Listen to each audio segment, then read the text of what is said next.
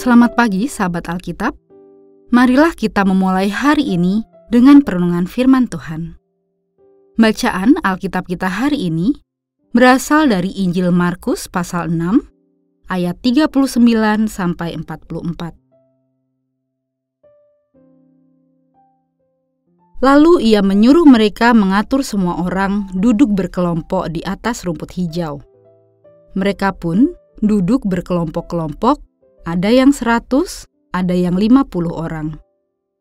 Setelah mengambil lima roti dan dua ikan itu, ia menengadah ke langit dan mengucap syukur, lalu memecah-mecahkan roti itu dan memberikannya kepada murid-muridnya, supaya menyajikannya kepada orang-orang itu. Begitu juga ia membagikan kedua ikan itu kepada mereka semua. Lalu mereka semuanya makan sampai kenyang. Kemudian mereka mengumpulkan potongan-potongan roti sebanyak 12 bakul penuh dan sisa-sisa ikan. Yang ikut makan roti itu ada 5.000 orang laki-laki.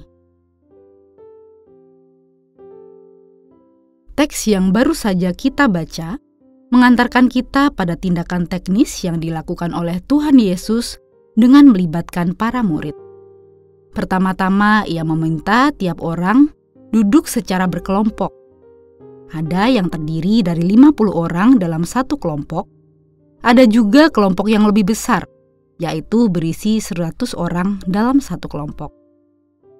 Mungkin maksud pengaturan duduk berkelompok ini untuk memudahkan saat membagikan makanan.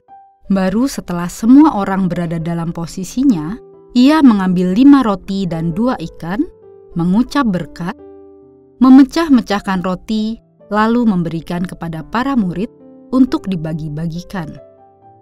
Dikatakan bahwa semua orang yang hadir makan dengan kenyang. Bahkan masih ada kelebihan berupa potongan-potongan roti dan ikan yang dikumpulkan sebanyak 12 bakul. Potongan-potongan roti tersebut bukan remah-remah, melainkan potongan yang tidak dimakan orang. Luar biasa karya Tuhan, mengingat bahwa yang ikut makan bersama saat itu ada 5.000 orang laki-laki. Artinya, jumlahnya bisa lebih banyak jika mencakup perempuan dan anak-anak. Sahabat Alkitab, Tuhan Yesus mengambil inisiatif dan mengajak para murid terlibat dalam rencana dan karyanya. Hingga saat ini pun, tindakan ini masih terjadi pada kehidupan orang-orang percaya. Keterlibatan kita dalam karyanya melalui kerja serta pelayanan kita bukan berarti segala sesuatu kita pasrahkan kepadanya, sehingga kita menjadi pasif. Ada strategi juga, pemikiran matang yang perlu kita persiapkan sebelum kita bekerja dan melayaninya. Dengan melibatkan Tuhan, sebagaimana kisah pada saat ini yang juga menunjukkan strategi dan perhitungan matang Tuhan Yesus saat ia hendak memberi makan 5.000 orang. Mari kita berdoa.